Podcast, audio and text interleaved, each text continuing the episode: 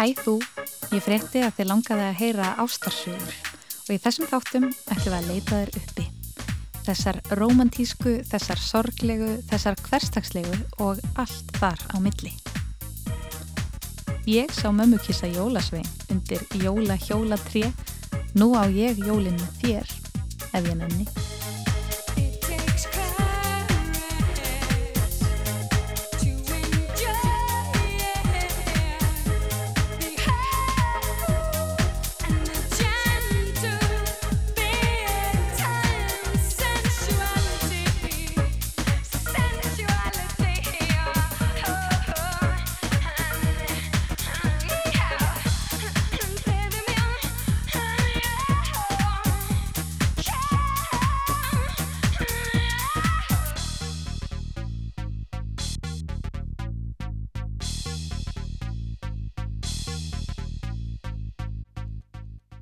Stundum geta tilfinningar okkar glætt dauða hluti lífi. Við ljáum þeim merkingu með því að tengja þá við ákveðna staði, ákveðið fólk eða ákveðnar hugmyndir. Við eigum flest einhverja slíka hluti. Gjafir frá fyrfinandi kærustum, gamlar ljósmyndir af ættmennum okkar, född sem við pössum ekki í lengur en geymum samt, giftingarhinga. Næsta saga er af einu slíku ástarsambandi. Sambandi sem ferjaði söguhetjuna um gjörvalla Suður Ameríku. Hlustum á unu. Ég var svolítið tímamótum, hafði nýloki störfum í Afganistan og vissi ekki alveg svona hvert ég ætlaði að fara næst í lífin en ég var alveg harða ákveðin í því að taka mig bara pásu frá öll saman og fara í ferðalag. Þannig að ég kom hérna stuttla við á Íslandi, þetta var í februar 2018 áður en laðast það til Suður Ameríku. Þetta var svona opið ferðalag, ég vissi ekkert hvað ég ætlaði að vera lengi. Þannig að ég var, horfið mjög mikið í auðrin og þurfti líka að pakka létt. En svona að pakka fyrir öllu viður og þannig að það var smá undirbúningur hérna heima að kaupa sund í bakbokan og þar á meðal, ég held mér þess að það hef verið síðastu daginn áður en ég flög úr landi, kefti þessa skó.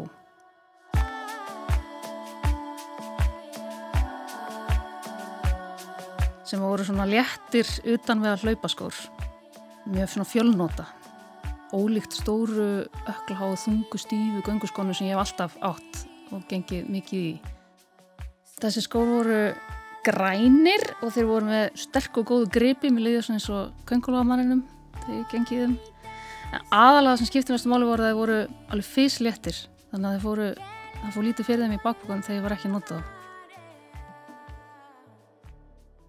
og skóna notaði ég ekkert fyrsta þegar ég byrjaði þetta ferðalega í Argentínu í Buenos Aires og var þar bara svona í smá borgarafslöpun fyrst hjá vinafólki. En svo sem sagt vigði ég þá, ef svo maður segja, með útilaupi þegar ég var komin yfir til Uruguay og þá lofaði ég sjálf mér og aldrei verið mikil íþróttamanniski eða hlaupamanniski en ég ákvaði að hluta þessu skildi vera að ég ætla að taka minnskvæmst eitt útilaupi hverju borg sem ég færi til. Og það var meðal annars bara helgaðist af því að ég var búin að vera inni lókuð þarna í Afganistan að störfum þar innan svona múra á þessari herstu þar sem ég var að vinna í meirinn ár. Og allt í einu hafandi aldrei verið hlaupumanniski þá hafði ég bara mjög mikla þörf fyrir að fara út og hlaupa bara eitthvað, bara beint af augum.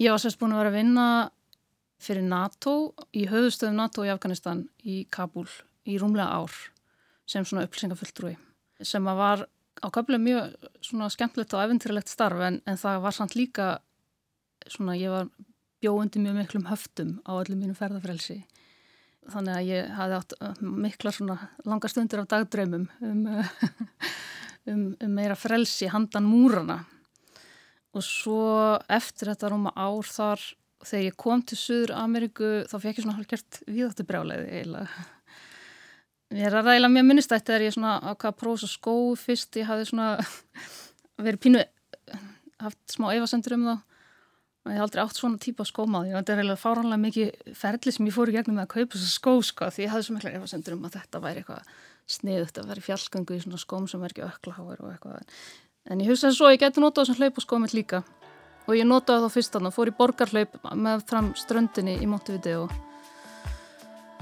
og það var alveg geggja þetta ég man að ég bara svona upplýði svo mikla gleði og, og, og svo mikið frelsi og það bara heldist alveg um mig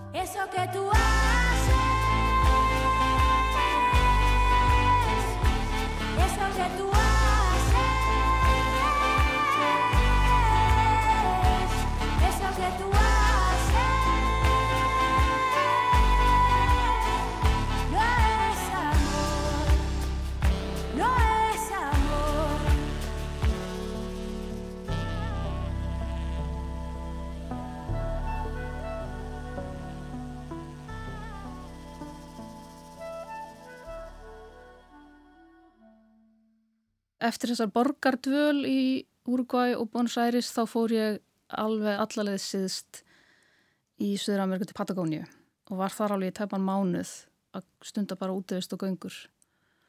Patagónia var eiginlega, er eiginlega eina mínum uppáðsferða upplifunum allra tíma og ég held að hafa myndið að hluta til verið út af því úr hvernig aðstæðan ég var að koma ég fórðanga. Þar byrjaði ég á því að ganga gönguleið sem heitir, er, er í Torres del Paine þjóðgarðinum í Chile og þar einmitt uppleiði þetta líka að þetta óbúslega frelsi ég hafði aldrei áður farið einn í fjallgöngu. En þarna fór ég fjórundagöngu einn og ég mani að þetta var svo endislega einfalt líf. Ég vissi nákvæmlega hvað ég átti og hvað ég var með. Og það var bara að pakka því hann í boka taka nesti, reyma með skóna og ganga af stað á mótnana ekkert annað framöndan þann daginn en að koma mér á næsta punkt og, og það var þannig að ég var litt svona tíu myndum inn í daginn, tíu myndum eftir að ég var gengin að stað þá fekk ég sko gæsa húð af frelsisvímu. Þetta var svo sterk upplifun sko. Þannig að sennilega er það einhvers staðar á þessari göngu þar sem ég fyrst byrja að bindast þessum skóm mjög miklum tilfinningaböndum. Að þeir færðu mig úr stað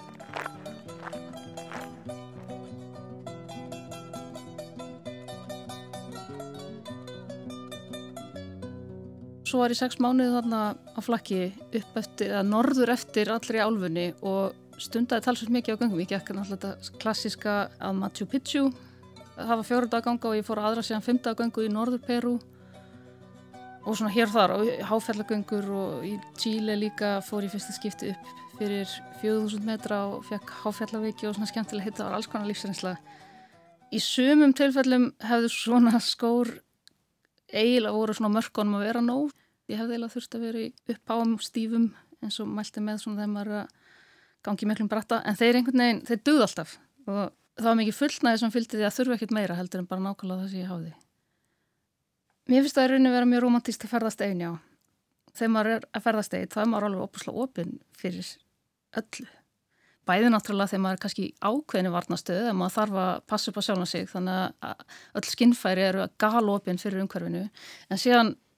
held ég að þeir sem ferðast einir að það var allavega mínu upplifin að ég var mjög opinn fyrir því að kynast fólki. Og fólk var líka mjög opinn fyrir því að kynast mér. Þegar það sá að ég var ein á ferð. Að vera svona ein á ferðalegi það leiði mann inn í alls konar skemmtilegar og skrítnar og finnar og romantískar aðstæður. Það var líka þannig að kannski þessi skór svo ég komi innmitt inn á það að þessi skór leittum alveg í romantískar aðstæða líka vegna þess að ég er svo sem komst að allavega í mínu tilhuga lífi að Ég, mér finnst ég aldrei lenda í romantískum aðstæðum á barnum. mér finnst bara, sko, ég laðast eiginlega aldrei að neinum í svona því umkarfi sem skemmtana lífi er. Af því að mér finnst til dæmis barinn ekki draga fram það sem að mér finnst það mest spennandi í fólki eða svona helstu mannkostir. Og þannig var það að þegar ég var allir mest í Söður Ameríku að svona skemmtilegustu ástaræfintirinn sem ég lendi í urðu öll einhvern veginn á fjöllum af því að ég var að ganga og hitti einhvern skemmtilegan mann sem að hafi greinlega áhugaði saman og ég og var líka að ganga. Þegar þú ert að gera það sem þér finnst skemmtilegt og það sem þú hefur ástriðið fyrir þá ertu miklu líkleri til þess að bæði laða að þér og rekast á fólk sem á samlið með þér. Sko, þegar ég var í þessum skóm þá var því svona besta útgáfna sjálfur mér einlega. um, Ég var bæði á leiðinu á staði sem ég langaði á með mjög svona eflust bara mjög opin og syndrandi augu. Ég var spennt og glöð.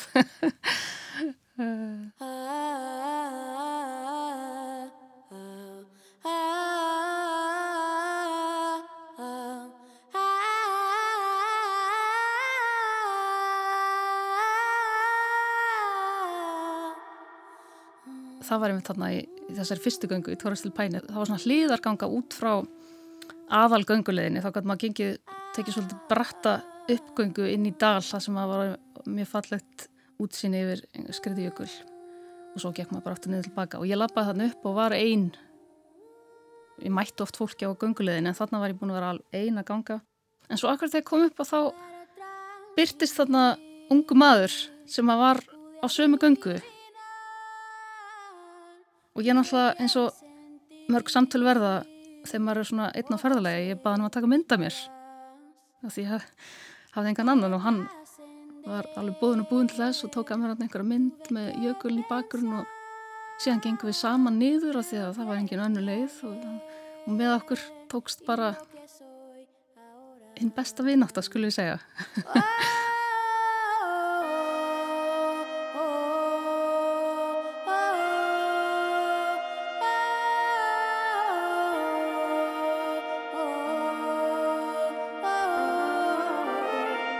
Það var endar einu sinni sem að ég tali mótsvögn við þetta með að hitta aldrei neitt á barnum að því að ég hitti mann á bar en það var í svona fjallathorpi. Ég gekk inn á hann bar og það var allt tróðfullt aðna og ég var náttúrulega bara einn og hann var barþjóðninn aðna sko. Og ég spurði hann er bara fullt aðna og hann segi já það er alveg því miður. Nema að það er sama þú sittir hérna við hliðin á frænda mínum og þá satt frændas einhver ungu strákar þarna einn og ég bara, já, já, mér er alveg sama settist þar. Barþjóðningum var alltaf að koma og setja staðins þegar hann svona á stundamilli stríða til að ræða við frænda sín og þá voru þeir að plotta gönguferð sem átti að fara bara daginn eftir. Og ég satt þarna bara svona, var ekkert að blanda mér inn í þetta svo sem ég var bara að borða mína súpu og fá mér eitt bjór. En hérna smám saman einhvern veginn drúst ég alltaf inn í samtalið sko og svo að mammans komin þarna líka settist ég á okkur, ég var alltaf komin inn í eitthvað rúslegt fjölskyldsamtal og endan áður í, á, allt í einu og þá sest hann hjá mér og segir, vilt þú ekki bara koma með okkur í þessa göngu? Þetta er náttúrulega stríði gegn flestu að maður eiga bara ekki tala um okkunna en það var eitthvað við að hvernig ég hefði bara dreyjist inn í þessa fjölskyldu stundarna að, ég sagði, já, fjandin hafi það. Ég er nú ágjörlega skóið eftir allt saman.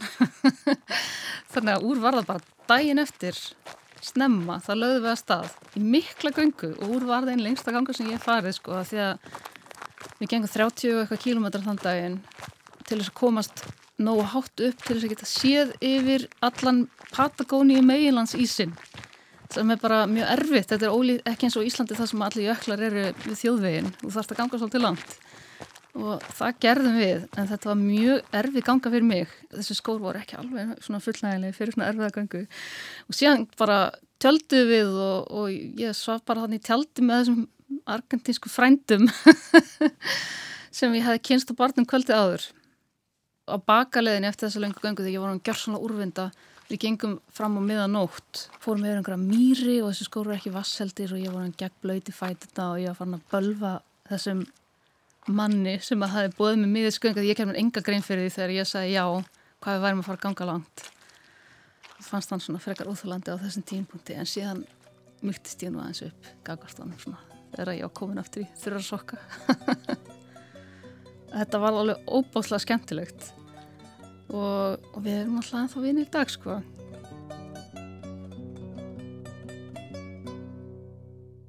Skotni fylgdu mér allavega þarna upp Suður Ameríku síðan eftir svona sex mánuða ferðalag þar að þá var sérsagt komið að því að mér hefði búist nýtt starf í öðrum heimsluta og þar með laug þessu ferðalagi. Þannig að ég flög frá Suður Ameríku til Östur-Evrópu og byrjaði að vinna þar í Georgiu í Tbilisi. Í millitíðinni náttúrulega smá millilending á Íslandi eins og ég tek hjarnan og, og stakk það eitthvað upp á fjall í skónum líka. Georgi er líka svona fjallaland sko ég notaði það mikið þar. Og í stuttum ferðin sem ég fór þaðan þeir eru alltaf með bakbúkanum og ég, stundin notaði ég það ekkert sko en þeir fóru alltaf með þeir eru lettir og þægilegir það, ég, mér fannst alltaf ágætt að hafa, halda það möguleika opnum að kannski, kannski þyrst ég að nota þessa skó.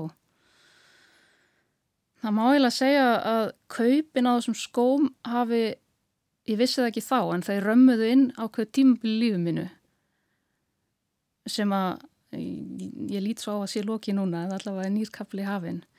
En þetta tímabil hófst þarna þegar ég fór til Suður Ameríku með þetta nýfengna frelsi og svo held ég áfram þessu flakkibínu næstu rúmlega tvö árin. En síðan kom að því núna sem sagt í uh, november að þessu tímabili lauk og ég flutti aftur til Íslands og þar með uh, lauk samfylgd okkar. Að því að það kom svo tíumpunktur þessum að, maður, að ég var að pakka og þegar maður er búin að búa í tvö ár í öðru landi að þá sapnast alls konar upp og það var mjög áskorun sem ég stóð fram með fyrir að pakka niður lífið mínu til tvekkja ára í tværferðartöskur og taka með til Íslands.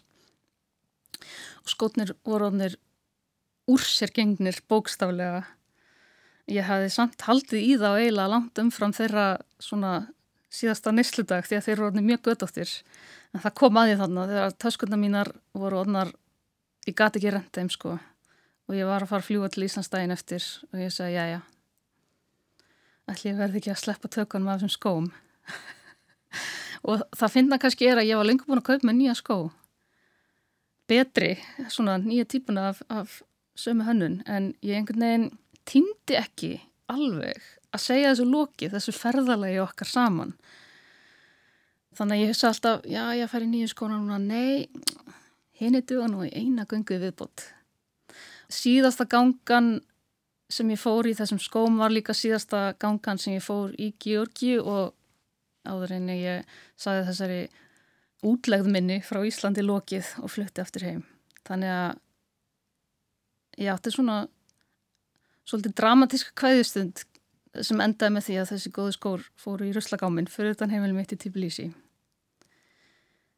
En og það var alveg, ég, ég segi ekki að hafi grátið en það var samt alveg merkilega svona, svona tilfinningaríkt einhvern veginn. Að, að því að ég var ekkit bara að segja ég var ekki bara að kvæðja skóna ég var að kvæðja þetta tímbil lífið minu og alla þessar staði sem að skónir hefði fært mér og svona kannski þennan svona anda sem að fylgdu þeim því að þessa svona frelsist tilfinningu sem að ég fann fyrir þegar ég fór í fyrsta skipti í þá og, og að vera svona ofin fyrir æfintýrum einhvern veginn. Það var svolítið jáka að núna væri kannski því lokið svona í byli. Mér hefur bent á það svona eftir á að þetta hafi verið á þess að ég uh, gerði mig grein fyrir sjálf að þetta hefði verið svona Mari Kondo nálgun á þessu skó. Og þetta er vist sint og trú Japana að reyna að eiga fáa hluti en hluti sem hafa einhverja meiningu fyrir þig. Og svona virða þá hluti sem eru í lífiðinu en síðan þegar þeir eru hættir að færa það gleði að skilja þá við á svona þegar tímabært er. Og það var eiginlega akkurat tannig með þessa skó. Að þeir svo sannala þjónu sínu hlutverki og vel rúmlega það þeir nýtust mig vel en líka svona upphófja þá kannski á ákveðin stall. En ég held að sé kannski að hluta, ég held að það sé bara mjög mannlegt að við einhvern veginn búum okkur svolítið til meiningu í lífinu með því að, með sögum. Og þessi skóru eru svolítið stór hluti af sögunni hjá mér. Woke up cold one Tuesday I'm looking tired and feeling quite sick Rás eitt fyrir forvitna